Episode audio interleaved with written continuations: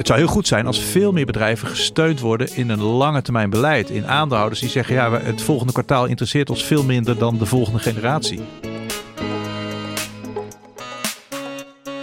Welkom bij Money Matters, een podcast van Social Finance NL waarin geld en impact centraal staan.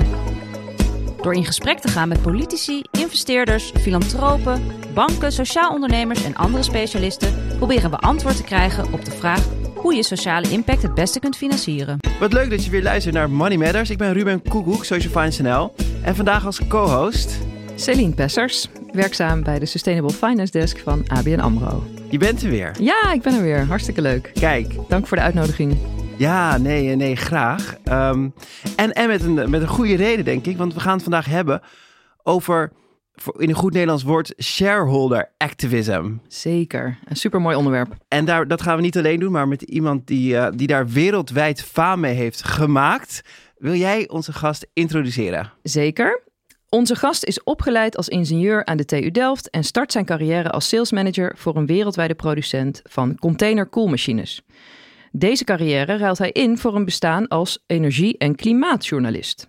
Maar als blijkt dat hij als journalist de grote oliemaatschappijen niet kan veranderen, richt hij Follow This op. Een groep groene aandeelhouders die de movers en shakers van de olieindustrie de stuipen op het lijf jaagt. Sindsdien is hij wereldwijd een graag geziene gast. Of het nu Christiana Amanpour van CNN is, leden van het Amerikaanse congres of de CEO van Shell, iedereen spitst zijn oren als hij aan het woord is. Mag ik u voorstellen, Mark van Baal. Goeiedag. Ja. Welkom, Mark. Uh, bedankt voor de uitnodiging. Ja, uh, fantastisch dat je hier wilt, uh, wil, wilt zijn. Journalisten hebben verschillende benamingen uh, voor, voor jou. Follow the money noemt je de, de Shell-plaaggeest. Uh, en NRC zegt de man die, die Shell de weg wijst. Hoe, hoe vind je dat, je dat je al die woorden... dat je zo steeds met Shell ge, geassocieerd wordt? Ja, dat is natuurlijk te danken dat we bij Shell zijn begonnen. Ja, ik moest ergens beginnen. Hè. Ik begon met uh, vanuit het niets. En toen dacht ik, ja, dan kan ik best dicht bij huis beginnen. Uh, bij onze nationale trots, uh, Royal Dutch Shell. Um, ja, intussen zijn we actief bij tien oliebedrijven wereldwijd. Dus ook bij BP, ook bij Equinor in Noorwegen en bij Chevron en Exxon in Amerika. Maar in het begin was het inderdaad vooral aan Shell gelieerd. Dat was ook het, de belangrijkste kritiek van Shell. Waarom alleen wij? Wij zijn toch het beste jongetje van de klas. En toen zei ik, nou ja, het beste jongetje van de klas moet juist het goede voorbeeld geven. Maar zodra we ruimte hebben, dan uh, gaan we ook anderen uh, stimuleren om uh, de groene weg in te slaan. En hoe je dat precies doet, gaan we het straks uitgebreid over hebben. Maar we beginnen altijd met onze vaste rubriek, de uitgeleider. We doen allemaal op dagelijkse basis verschillende investeringen. Dat kunnen kleine, maar ook grote uitgaven zijn. En daar maken we ook allemaal wel eens een misser mee. Aan jou ook de vraag, wat is de meest onzinnige uitgave die je hebt gedaan? Ja, daar heb ik de hele fietstocht over na zitten denken. En misschien is dat omdat omdat je financiële business altijd zo snel mogelijk probeert te vergeten. Maar misschien ook omdat wij thuis redelijk, uh, zoals ik het altijd noem, uh, pound-wise, penny-foolish zijn. Uh, dus ja, het beste wat ik kon bedenken was, ik heb pas op Marktplaats Lego voor mijn zoon gekocht en dat is nooit geleverd. Hmm. Dus dat was een paar tientjes. en dan moet je aangifte gaan doen. En dat leek me iets te grote belasting voor de politie. Dus dat heb ik niet gedaan. te goed voor vertrouwen. Ja, te goed van vertrouwen, blijkbaar. Ja, maar, maar... Niet, niet als het om Ben van Beurden gaat, volgens mij, hè? Uh, dat is een hele goeie. Uh, nee, die, uh, die zegt altijd: vertrouw ons nu maar. Hè? Ja, wij doen het, wij bemoeien er niet mee. nee, dat, dat, dat doen we niet. En dat is ook maar gebleken. Hè?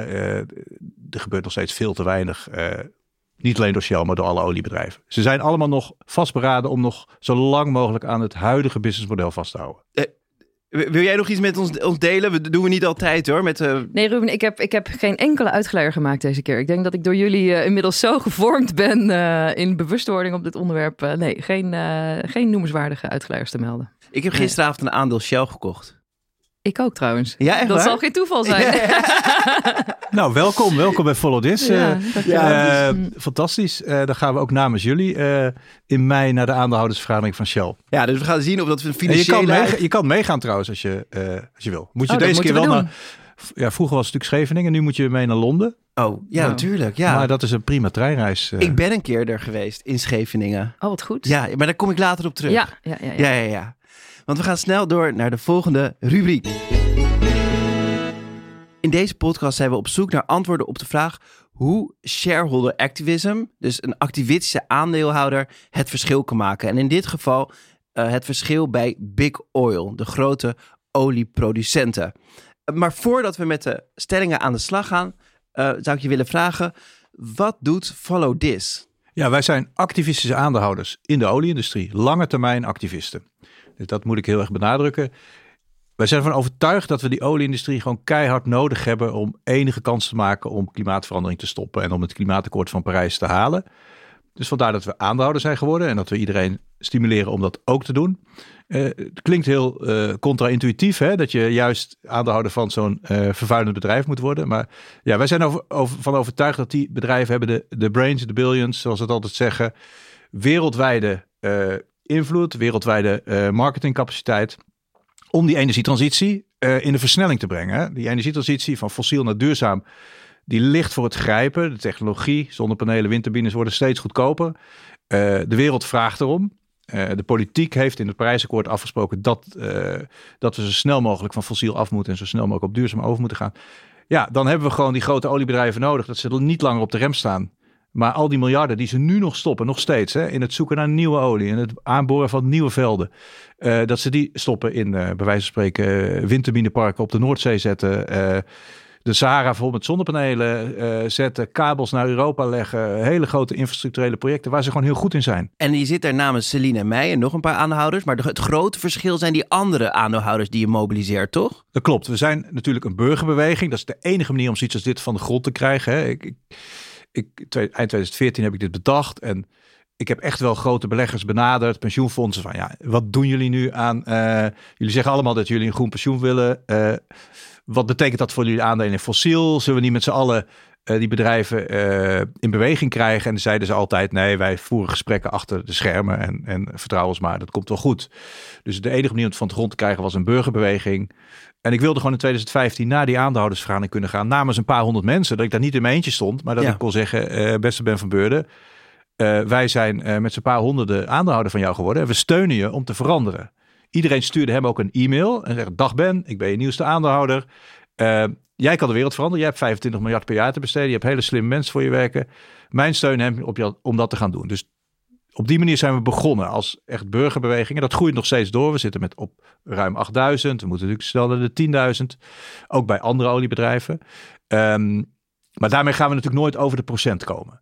Uh, maar laten we wel zien aan de pensioenfondsen dat de wereld hier klaar voor is, dat burgers dit willen. Uh, maar we hebben natuurlijk de grote pensioenfondsen, de grote beleggers, de grote banken nodig. Want die hebben hele grote pakketten om voor onze klimaatresoluties te stemmen. Die we dus elk jaar op de agenda zetten. Ik las dat je volgende week in Pakhuis de Zwijger in gesprek gaat met uh, Johanne Kellerman van uh, Pensioenfonds uh, Zorg en Welzijn. Ja. En het viel mij op dat ABP dus, dus heel resoluut zijn, volledig, zich volledig heeft teruggetrokken uit ja. de fossiele investeringen. Maar dat Zorg en Welzijn zegt van nee, wij gaan heel bewust een andere koers, want wij blijven in gesprek en wij gaan koerswijzigingen bij, bij de grote oliebedrijven afdwingen op die manier. En ik vroeg me af wat nou, ja, hoe jij daar nou tegenaan kijkt, tegen die twee routes. Ja, nou, ik denk dat je inderdaad aandeelhouder moet blijven, maar wel maximale invloed uitoefenen uh, om, uh, om die bedrijven van koers te doen veranderen. Het, het rare van ABP, laten we het maar gewoon noemen, die hebben jarenlang Shell de hand boven het hoofd gehouden, gehouden. Die stemden eerst tegen onze resoluties. Op een gegeven moment gingen ze zich onthouden, maar die zeiden altijd nee. Achter de schermen brengen we Shell in beweging. En die zeiden echt vaak van ja, follow this. Als we voor jouw resolutie stemmen, dan gooit Shell de deur dicht. Hebben we helemaal geen invloed meer. Dus we onthouden ons. En, en we vinden eigenlijk wel dat Shell genoeg doet. Hè. In mei heeft ABP nog voor Shell's eigen beleid gestemd. Dat, dat aantoonbaar niet in lijn met Parijs is. Dus Shell was terecht totaal verbaasd en verontwaardigd van waarom laat je ons opeens in de steek. Dus eigenlijk alsof je beste vriend de vriendschap opzegt zonder enige waarschuwing. Ja, ja, zonder dat je... Met een appje, zeg maar. uh, ik zeg hierbij de vriendschap op. Dus Van Beurden was uh, terecht heel, heel verontwaardigd daarover. Dus dat is één route. Hè? Ja, dus eerst erin zitten en dan geen invloed uitoefenen. In ieder geval niet door te stemmen. En dan er opeens uitstappen. Ja, PGGM en, en de meeste grote Nederlandse beleggers die zeggen... nee, we gaan eerst maximaal proberen om ze in beweging te krijgen. En dat is door engagement, gesprekken achter de schermen. Heel duidelijk maken wat we van ze verwachten. Dat we van ze verwachten dat ze de emissies omlaag brengen. Dat wil nog geen één oliebedrijf. Emissies omlaag, eh, halveren in 2030 ongeveer. in 0 en 2050. achter de schermen vertellen dat, maar als dan de aandeelhoudersvergadering komt, dan gaan we daar ook voor stemmen. Voor die klimaatresolutie van Follow This. En wij vragen eigenlijk consequent sinds 2016 Stel doelen die in lijn zijn met het klimaatakkoord van Parijs. Breng je emissies terug in lijn met het klimaatakkoord van Parijs. En dat betekent dus, als we het klimaatakkoord van Parijs willen halen, dat de wereldwijde emissies ongeveer moeten halveren in 2030. Nou ja, dat zou dan een oliebedrijf ook moeten doen. Ehm, dus uh, we gaan niet, dat is wel belangrijk om te melden, die resolutie klinkt heel abstract. Um, omdat je als belegger niet op de stoel van de bestuurder wil gaan zitten. Je wil niet, je, je wil niet over de strategie gaan. Ja. De strategie is aan, aan de top van het bedrijf. Je kan alleen de richting aangeven. Nou ja, dat, uh, dat doet de, dus uh, PFC2. Uh, die doet dat dus zeggen, nou, we, we, blijven erin, maar we gaan wel maximale invloed uitoefenen. Als dat, als dat dan echt niet lukt, dan stappen we eruit. Snap ik ook wel, want de druk van de deelnemers is natuurlijk heel erg hoog. Het is heel erg moeilijk om aan je deelnemers uit te leggen dat je uh, aandeelhouder bent van bedrijven die onderdeel van het probleem zijn en niet van de oplossing. Dus uh, PFC2 heeft volgens mij aangegeven, nou, nog twee jaar. Als je dan geen onderdeel van de oplossing bent, dan stappen we eruit. Maar in die twee jaar gaan we het maximale doen. En dat lijkt mij de beste, de beste weg. We hopen natuurlijk dat ze langer aan boord blijven en die druk blijven uitoefenen. Want die bedrijven hebben dat nodig. Uh, zonder druk van buitenaf gaan ze niet veranderen. Mm -hmm. ja. In ieder geval, deze twee aandeelhouders blijven er gewoon in zitten, toch? Dat, uh, ja, ja. die, absoluut. Uh, um, ja, en dan gaan we snel door met de stellingen. En de eerste stelling luidt: aandeelhoudersbelangen en klimaatbelangen lopen parallel. Ja, 100% mee eens. 200% eh, mee eens. Dat is ook de reden dat wij uh, succesvol kunnen zijn. Hè? We hebben natuurlijk een hele morele missie, het stoppen van klimaatverandering. Maar de reden dat wij de steun van uh, beleggers krijgen, is dat zij snappen dat klimaatverandering zo'n grote bedreiging voor al hun miljarden is. Dat dat gestopt moet worden. En waarom snappen, snapt de Raad van Bestuur dat dan niet van al die grote oil Big Oil. Ja, daar breek ik natuurlijk al, al heel wat jaren mijn hoofd over. Ja. En ik, ja, ik kan natuurlijk niet in het hoofd van die CEO's kruipen. Maar mijn beste verklaring is... Uh, ja, dus een Bill, Bill Gates cliché. Success is a lousy teacher. It convinces smart people that they can't be wrong. Uh, je moet je voorstellen, dit zijn mensen die vanaf hun afstuderen... bij zo'n oliebedrijf werken op heel veel plekken in de wereld heel erg succesvol zijn geweest in het bestaande businessmodel. Ja. En dat is gewoon olie en gas uit de grond halen en omzetten in, in brandstoffen, verkopen, omzetten dus in, in oliedollars. Daar zijn ze natuurlijk heel erg goed in. Op die manier hebben ze de top bereikt. En uh, ja, die kunnen zich gewoon geen wereld zonder dat businessmodel voorstellen. Die kunnen zich niet voorstellen dat je ook op andere manieren met windturbines, met zonnepanelen uh, ook geld kan verdienen. Uh, op dezelfde manier als dat Kodak zich niet kon voorstellen dat je met digitale fotografie geld kon verdienen. Ja, uh, is een heel bekend voorbeeld. Die gingen failliet. Had het zelf uitgevonden, hè, digitale fotografie. Maar Mark, je zegt succes is een lousy teacher. Hè? En je schreef laatst ook wel in het FD las ik dat ehm, inmiddels met de hoge olieprijs de oliebedrijven toch weer helemaal terug in een comfortzone zijn. En het oude motto van uh, drill baby drill is weer helemaal uh, terug van weg geweest. Daar, ja, dat is natuurlijk een... Uh... Dat is een heel beangstigend, ja. beangstigend beeld. Hè? Door die Oekraïne-oorlog en de hoge olieprijzen is het natuurlijk ontstaan er tekorten. en daar kun je op twee manieren op reageren. Dan kun je zeggen, ja, we moeten inderdaad die energietransitie versnellen. We moeten zorgen dat we zo snel mogelijk van Russische olie en gas afkomen. En dat vervangen door duurzaam. Dat waren we sowieso van plan. Hè. We wilden al uh, van de helft van de olie en gas af zijn in 2030 in Europa. Dus laten we dat dan versnellen. En dan eerst van Russische olie en gas af. Maar ja, uh, het blijkt nu dat uh, deze bedrijven uh, dit aangrijpen om nog langer aan een oude businessmodel vast te houden. Zeggen, ja, daar moeten we toch maar weer lekker gaan boren en, nieuwe, en op zoek naar nieuwe olie en gas. Ja, en dan dan komt het halen van het prijsakkoord nog verder uit beeld. Hè? Dus 1 voor 12, zoals uh, wetenschappers nu zeggen. Uh, als we nog meer olie en gas gaan zoeken, dan is het kansloos. Maar het is, het is gewoon een mindset uh, probleem. En ze hebben natuurlijk de afgelopen jaren hebben ze, zijn ze heel bescheiden geweest. Hè? Want de olieprijs was laag. Ze maakten verlies. Ze moesten dividend moesten ze, met Shell met twee derde terugbrengen. Nou, dat is het ergste wat je kan overkomen als CEO van een ja. oliebedrijf. Dus heel bescheiden. Druk van aandeelhouders om te vergroenen. En nu opeens klotst het geld weer tegen de plinten. Eh, iedereen krijgt zijn bonussen weer. Er worden weer hele vette winsten gemaakt. Er kan heel veel geld terug naar de aandeelhouders. En opeens zijn ze weer het mannetje. En dat is natuurlijk heel gevaarlijk. En daar moeten de aandeelhouders nu in mei, wanneer al die aandeelhoudersvergaderingen zijn, daar moeten ze gewoon niet mee akkoord gaan. Ze zeggen, sorry jongens, uh, als we prijs willen halen, moet al twee derde van jullie reserves in de grond blijven. Hè? Die worden Ja. al waardeloos. Ga er alsjeblieft niet nog meer zoeken. En, ehm, want verleden jaar heb je eh, ruim 30% van de aandeelhouders achter zich gekregen. Eh, komt die meerderheid in zicht, denk je, dit jaar? Nou, ik zeg altijd, eh, we verwachten dat het wel weer gaat groeien. Hè? Het, het, het groeit elk jaar. Ondanks elke keer de nieuwe beloften van al die oliebedrijven. Dus bij Shell, BP, Equinor in Amerika blijven die, blijft het groeien. Misschien moet het wel een meerderheid worden om, eh, om echt beweging te krijgen. Eh, Shell heeft in 2017 een hele grote stap gezet. Als eerste oliebedrijf ter wereld hebben ze verantwoordelijkheid genomen voor de emissies van hun producten. Dat was onbespreekbaar tot wij eh, het op de agenda zetten en tot slechts 6% daarvoor ging stemmen. Dus, Moet- dus voor de goede orde, ze zeggen, en dat noemen ze scope 1 en 2, we, zijn wel verantwoordelijk Ja. voor, voor de uitstoot die we zelf doen. Maar als jij dan gaat tanken en eh, gaat autorijden, dan is het aan de klant. Dat daar hebben we niks mee te maken. Dat is jouw probleem, ja. Eh, jij, Ja. eh, ik heb zelfs als bij een pensioenfonds gezeten, ja, Shell weet niet wat zijn klanten met zijn producten doen. ja, ja, ja, die, dat is niet hun of, van, ja. Ehm, dus dat, is, dat was in het begin de discussie. Ja. Nou, die, is, eh, die is gepasseerd. Dat is een hele grote stap voor oliebedrijven. hè, Want daarmee erkennen ze dat ze echt hun business moeten veranderen. Alleen Shell, BP, al die bedrijven dachten... eh, als we maar een mooi doel voor 2050 stellen... voor scope 1, 2 en 3... En een, en, een, en een een klein doel voor 2030 voor scope 1 en 2... dan zijn we van het gezeur af. En dan kunnen we nog even tien jaar lang minimaal doorgaan met ons oude businessmodel, dan, dan, dan zal het onze tijd wel duren, zeg maar. Nou ja, dat eh, is gebleken dat dat niet werkt. Eh, dat meer, steeds meer beleggers voor zo'n resolutie gaan stemmen. En dat is echt ongekend, hè? want je moet je wel realiseren dat alle andere resoluties, wij zijn meestal res- resolutie 21 ongeveer bij Shell, Hmm. 1 tot en met 20 stemt 99, komma zoveel met het bestuur mee. Noord-Koreaans noem ik het altijd. En dan komt resolutie 21 en we hadden eerst maar 2,7 procent. Maar dat was al een signaal dat, dat er een kleine opstand eh, gaande was, zeg maar. Dat een aantal grote beleggers zeiden, eh, wacht even, eh, we willen wel dat jullie die scope 3 verantwoordelijkheid nemen. Dat was dus 2016 en 17. Toen werd het eh 6 procent. Ehm, sindsdien elk jaar een nieuwe belofte. En elk jaar groeit het. 6 naar 14 procent en nu naar 30 procent. Dat is natuurlijk ongekend. Dat een derde van de aandeelhouders ehm, zegt, eh, ja, eh, niet genoeg wat jullie eh, doen. Dus daar, daar, daar moet Shell wat mee. Maar ja, ze- het lijkt erop dat ze toch weer redelijk terug in de loopgraven zijn. Hè? Ze reageren ook op die, de rechtszaak. Ook van, sorry, kunnen we niet, eh, kunnen we niet aan voldoen. Die rechtszaak vraagt precies hetzelfde als wij. Gebru- Ja. Gebruikt ook onze resolutie als bewijsstuk.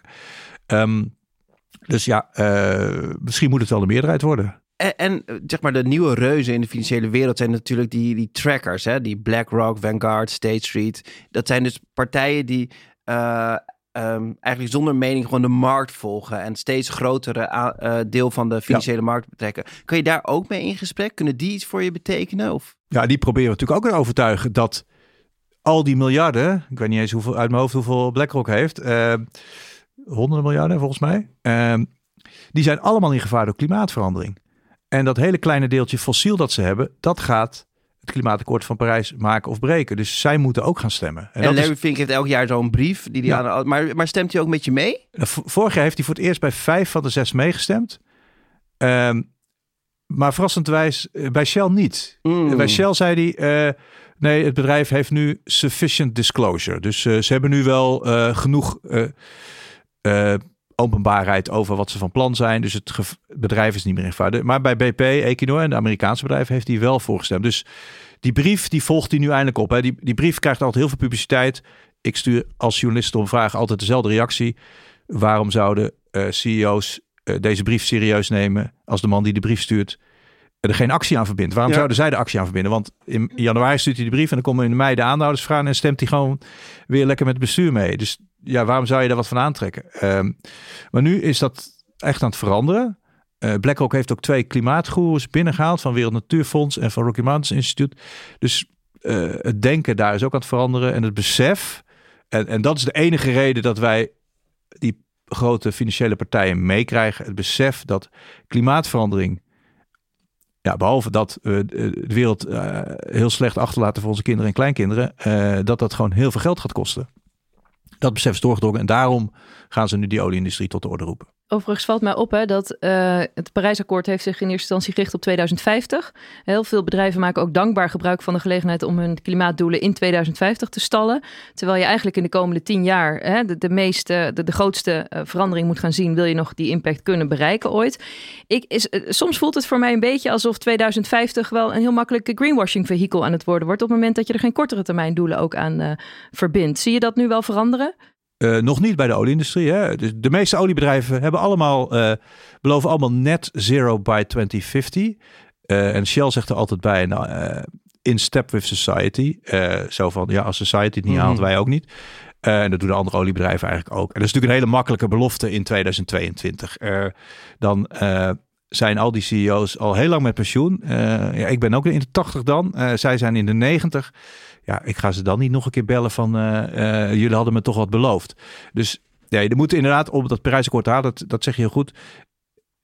Moeten we in de komende tien jaar moet het gebeuren. Ja. Uh, als we in de komende tien jaar niet de emissies drastisch omlaag brengen. En dat betekent dat we eigenlijk vandaag en morgen de beslissingen daarvoor moeten nemen dat, eh, dan is het zinloos om over 2050 te praten. Maar Mark, ik heb daar nog wel een grote zorg bij. Want ik had laatst eh, was ik eh, bij een college van de Amerikaan John Fullerton, hele interessante econoom over regenerative economics. Wat hij vertelde is dat in alle klimaatmodellen, die, zoals die nu gepresenteerd worden, dat daar niet de CO2-footprint van de volledige energietransitie in is meegenomen. Dat wil zeggen, de productie, de delving, het transport, de verwerking van alle uh, clean technology. Dus de zonnepanelen, de windmolens, de, de CO2-uitstoot die daar daarmee gemoeid gaat. Uh, de grondstoffen. Uh, nou ja, dan heb je natuurlijk ook social impact. Dat hele stuk wat we nodig hebben om onze energiehuishouding op orde te krijgen. Hebben we die, die CO2-uitstoot wel meegenomen daarvan in, in onze berekeningen? Hij zegt dus van niet. Nou, dat zou me heel erg verbazen als al die wetenschappers van de IPCC dat niet hebben meegenomen. Maar je moet je wel realiseren dat duurzame technologie uh, gebruik maakt van grondstoffen die uh, gerecycled kunnen worden. Dus die hoef je maar één keer te delven. In tegenstelling tot fossiele brandstoffen die verbrand worden en die je continu uit de grond moet blijven mhm. halen. Dus dat is wel het essentiële verschil. Als het zonnepaneel er eenmaal ligt, dan hoef je geen, dan blijft die energie leveren zonder dat je nieuwe grondstof uit de grond moet halen. En bij fossiele brandstof moet je continu blijven pompen. Um, maar natuurlijk uh, is, is, is natuurlijk alle grondstoffen die we nodig hebben voor de energietransitie is een grote zorg. Dus er moet natuurlijk veel meer gebeuren dan, uh, om een simpel voorbeeld te gebruiken, niet alle auto's moeten elektrisch worden. Nee, er moeten gewoon veel minder auto's komen. Precies, er moeten deelauto's ja. komen. Ja. Um, um, want inderdaad, als we alle verbranding, auto's met verbrandingsmotoren gaan vervangen door elektrische auto's met die enorme batterijpakketten, ja, dan hebben we weer veel te veel uh, zeldzame aardmetalen nodig. Uh, bijvoorbeeld. Maar essentieel verschil is, het wordt niet verbrand, dus het kan gerecycled blijven ja. worden. Um, dus dat is wel heel belangrijk om, uh, om te constateren. Ja, als we het circulair ontwerpen dan wel. Hè? Dat is wel een voorwaarde. Daar is denk ik nog wel wat werk aan de winkel. Daar is heel veel werk aan de winkel. Uh, ja, natuurlijk ja. alles. Kijk, uh, de hele wereldeconomie moet natuurlijk circulair worden. Dan, dan is dat hele argument van ja, we hebben nou eenmaal heel veel energie nodig voor staal, cement. is weg, want dat moet je dan blijven recyclen. Ja, en, ja. Aandeelhoudersbelangen en klimaatbelangen lopen parallel. Daar waren we het uh, mee eens. Of Mark, daar was jij het uh, uh, mee eens. En, maar je gaf ook aan, tot slot, dat eigenlijk de bestuurders dat nog niet helemaal inzien. En jouw collega Engine Number One in Amerika, die doen dat anders. Hè? Die stemmen eigenlijk gewoon, ik wil niet zeggen bestuurders weg, maar die, die benoemen hun eigen bestuurders ja, in, ja. in non-executive directors rollen, mm -hmm. zoals het daar heet. Kunnen wij dat niet ook doen? Is dat ook niet wat we. Nou, daar heb je uh, naar verluid 30 miljoen voor nodig. Uh, die campagne van hen heeft 30 miljoen. 30 miljoen. Heb ik de, ergens gelezen. Dat, weet ik, het kost heel veel geld. Ja. Uh, um, dat is één. En dan heb je drie van de twaalf bestuurders. Die hebben dan een groen profiel. Ja. Maar ja, die andere negen nog niet. Maar ik denk wel dat dat gaat helpen bij ExxonMobil. Het wordt heel interessant om te zien. Uh, in mei is de aandeelhoudersvergadering. Binnenkort moet ExxonMobil zijn stemadvies uitbrengen op uh, onze resolutie, die net als bij Shell vraagt, stel doelen in ja. lijn met Parijs. Ja, ze kunnen in ieder geval niet meer unaniem afwijzen, wat Shell altijd doet. Uh, dus we zijn heel benieuwd hoeveel invloed die drie dan hebben. Maar dat, uh, het is wel een goed voorbeeld dat alle krachten nodig zijn. Hè? Ja. Kijk, wij denken dat wij echt een cruciaal onderdeel van de puzzel zijn. Ja. Maar alle krachten uh, moeten ingezet worden. En dat is, dat is wat zij doen. Dat is uh, de fossielvrij beweging. Wat meer traditionele activisten, journalisten die het allemaal zichtbaar maken. Kijk, we hebben te maken met een industrie die niet wil veranderen. Misschien de, de mensen binnen die bedrijven wel, maar de top wil niet veranderen. Die willen gewoon lekker vasthouden aan het oude businessmodel. Nou, die moeten gewoon, daar moet maximale druk op uitgeoefend worden. Dankjewel. We gaan door naar de volgende stelling. Aandeelhoudersactivisme kan op veel meer terreinen worden ingezet. Ja, absoluut. Uh, lange termijn aandeelhoudersactivisme zou ik, uh, zou ik aan willen toevoegen. Want aan de korte termijn activisten, ja, dat werkt altijd averechts. Hè. Dat hebben we bij ABN AMRO gezien uh, in 2007. Um, uh, dat zie je nu ook wel in Amerika. De, de, de, korte termijn hedge funds die bedrijven in twee stukken willen knippen. Omdat het binnen een paar kwartalen uh, heel veel winst oplevert. Daar, daar wordt de wereld niet beter van. Maar het zou heel goed zijn als veel meer bedrijven gesteund worden in een lange termijn beleid. In aandeelhouders die zeggen, ja, het volgende kwartaal interesseert ons veel minder dan de volgende generatie. Um, ik denk dat Unilever heel blij met een partij als Volodis was geweest toen ze hard werden aangevallen uh, door Heinz ehm, dus ja, ik denk dat, kijk, wij zijn heel erg gefocust. We zijn met een klein team. En, en, ehm, dus wij zijn heel gefocust op klimaatverandering in de olieindustrie. Maar als dit gelukt is, dan denk ik dat wij dat Volodis doorgaat als een activistische lange termijn aandeelhouder. die andere dingen op de agenda probeert te krijgen die bedrijven en de wereld beter maken. Hè? Denk maar aan diversiteit, circulariteit, uh, equality, uh, ja, discriminatie. Er zijn zoveel dingen die op de lange termijn bedrijven en de wereld beter maken. En daar heb je dus lange termijn aandeelhouders voor nodig. Die gewoon tegen zo'n bestuur zeggen: jongens, ga nou eens een keer investeren voor de lange termijn. Misschien kun je ooit een draaiboek uitgeven, ook voor andere aandeelhouders. Of worden jullie wel eens benaderd uh, met deze vragen misschien? Ja, worden wel eens benaderd. En dan, dan, ja, dan vertel ik uh, hoe, uh, hoe het werkt, zeg maar. Ieder land heeft weer andere wetgeving, hoe je zo'n aandeelhoudersresolutie indient. Um, en natuurlijk, ik zou hopen dat veel meer partijen dit gaan doen. Ja, het blijkt te werken. Hè? zijn nu al, Volgens heeft nu vijf oliebedrijven zover gekregen dat ze die verantwoordelijkheid voor scope 3 nemen. Allemaal zeiden ze eerst nee en toen aandeelhouders voor onze resolutie gingen stemmen. Zijn ze dat gaan doen? Te beginnen bij Shell en de laatste was Chevron in Amerika. Uh, dus dit, deze aanpak werkt. Uh, dus ja, eh, hoe meer mensen dat doen, hoe beter. Zijn ver vermogensfondsen, dus eigenlijk goede doelen met vermogen, um, die in de statuten allerlei positieve dingen over hoe ze de wereld willen veranderen hebben geschreven. Zijn, zijn dat ook belangrijke partners voor jou? Of? Ja, die, soms worden daardoor benaderd. En die, als die nog fossiel hebben, dan stemmen ze wel mee. Uh, dat, dat is natuurlijk een goede dus natuurlijk binnen van die grote familiefondsen al discussie van, ja, willen we wel in uh, fossiel zitten? Nou ja, als dan één zegt, ja, we blijven erin, maar we stemmen wel met die follow resolutie mee om maximale invloed uit te oefenen, dan, dan kunnen ze erin blijven. Ehm, dus ja, die spelen ook een grote rol. Die spelen ook een rol in de financiering van, van projecten als dat van Follow This. Ik heb het jarenlang in mijn eentje gedaan met een paar sponsors. en heel veel vrijwilligers. En nu eindelijk een team van, van negen mensen. Dat wordt ook door ja, een paar vermogende families uh, gefinancierd.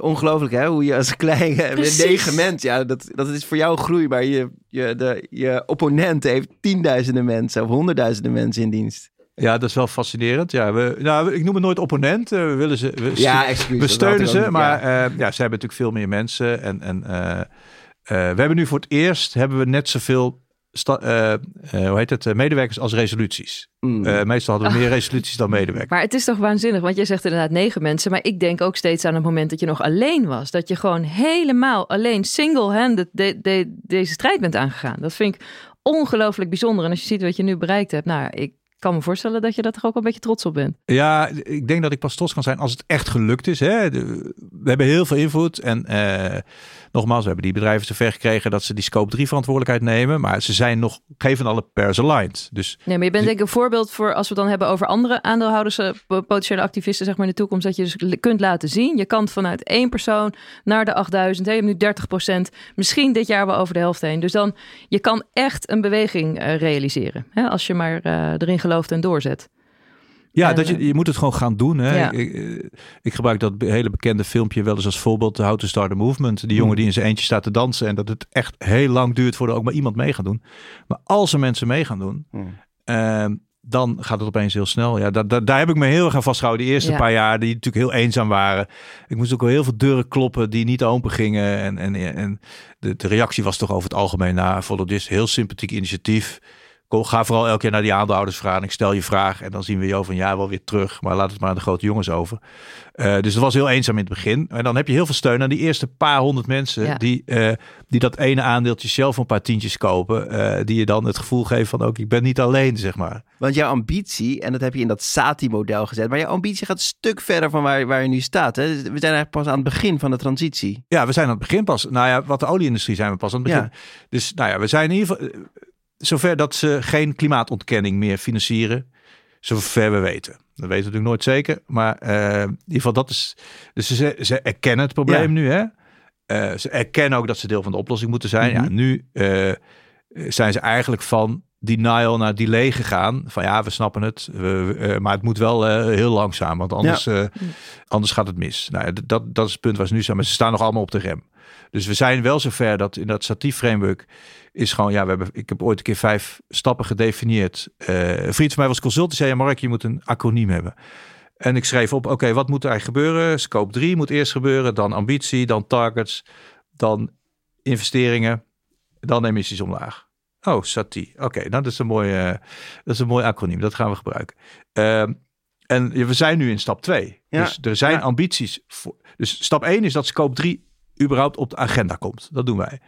Dan moeten beleggers daarvoor gaan stemmen. Dan moeten die bedrijven een ambitie voor scope 3 gaan stellen. Dan heb je tenminste iets om over te praten. Want als je, als je het niet over scope 3 kan hebben met een oliebedrijf, ja, dan kun je het heel lang over scope 1 en 2 hebben. Ja, dan, heb je, dan praat je met een tabaksfabrikant die zegt: Ik stop zelf met roken. Dus dat heeft, dat is, ook maar 10% van de impact van een oliebedrijf. 90% is, is, eh, is veroorzaakt door hun producten. Dus daar moet je eerst over kunnen praten. Dan moet er een ambitie zijn. Ja, dan moet er echt een target komen. En pas als er echt een target in lijn met Parijs is. En dat nogmaals emissies heel drastisch reduceren in 2030 en 0 in 2050. Dan pas zullen ze anders gaan investeren. En dan pas zullen de emissies echt omlaag gaan. Dus ja, dus nog, eh, nog, nog drie grote stappen. Een lange weg te gaan. Aan het eind van de podcast sluiten we het af met de impactdraad. Niet de rode draad over iemands persoonlijke carrière, maar wat is de impactdraad die daar doorheen loopt? Nou, je bent begonnen bij een multinational, stap naar de journalistiek en uiteindelijk eh, eh, follow this. Maar wat is voor jou nou de, de, de impactdraad die jou, eh eh, what makes you tick? Ja, klimaatverandering. De, de, de klimaatcrisis, hè, laten we het gewoon maar bij de naam noemen. We zitten midden in een klimaatcrisis en het is eh 1 voor 12. En er moet gewoon enorm veel gebeuren in de komende 10 jaar. En de beslissingen daartoe moeten gewoon de komende jaren genomen worden. Ja, dat is. Dat is ik liep daar tegenaan in 2006. En ik heb er wel eens over nagedacht. Hoe kwam het nou dat ik hierop aansloeg? Hè? Want ik, ik wist natuurlijk ook al vanaf kleins af aan dat er heel veel honger in de wereld was en heel veel oorlog. En, eh, en die problemen leken onoplosbaar. Maar dit was gewoon het eerste probleem, wereldprobleem waar ik tegenaan liep als ingenieur. Dacht, ja, jongens, de oplossing is heel simpel. De techniek is er. De techniek is niet het probleem. Financieel is het ook geen probleem. We moeten 1 à 2 procent van ons eh bruto nationaal product moeten we aan die energietransitie besteden. Nou, dat is geen enkel probleem.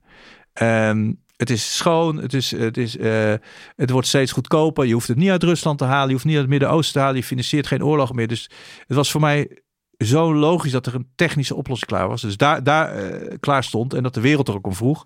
Dat ik dacht, ja, dit, eh, dit wordt dan mijn missie, zeg maar. Dankjewel. Celine, wat neem jij mee uit het gesprek? Nou, ik vond het een heel leuk gesprek. Het eigenlijk te kort, hè, want ik had nog heel veel aan je willen vragen. Maar het is toch met name een eh, best wel moeilijke mix die ik meeneem. Van aan de ene kant echt een heel groot vertrouwen in eh, jullie beweging en de manier waarop jullie, eh, nou ja, groeien en wat jullie al bereikt hebben. En echt heel veel bewondering daarvoor. En aan de andere kant zie ik toch ook wel, het spijt me, maar een donker wolkenpakket aan de horizon. Want als alles in de komende tien jaar moet gebeuren. Ik, eh, ik probeer hoopvol te blijven, maar eh, nou ja, dat is niet wat ik volledig ben. En, eh, maar ik vond dit in ieder geval een, wel een heel inspirerend moment vandaag, zo met jullie dit gesprek te voeren. Ja, het, er moet inderdaad de helft moet de komende tien jaar gebeuren van de emissiereducties. Ja. En dat is, dat Ja, is dat. de- de- als je erover na gaat denken, is het natuurlijk mindblowing wat er, wat er moet gebeuren. Maar het, het kan nog steeds. Hè? Het is, Hmm. dat, daar moeten we ons aan vasthouden. Ja, dit is allemaal gebaseerd op hoop. Juist, ja, ja. Dus eh, het is onze morele plicht om eh, hoopvol te blijven. Ja, dat, Dan klink ik als een pastoor. Nee, is heel mooi om mee, eh, mee af te sluiten. Mm. Ik, eh, ik keek pas een Star Wars met mijn zoon weer. En dan zegt op een gegeven moment iemand... eh, We can't build a rebellion based on hope. En dan zegt natuurlijk een van die rebellen... All rebellions are built on hope. Oh. Kijk. All rebellions are built on hope. Een mooie, mooie lijn om mee, eh, mee af te sluiten. Dankjewel Mark voor dit bijzondere gesprek.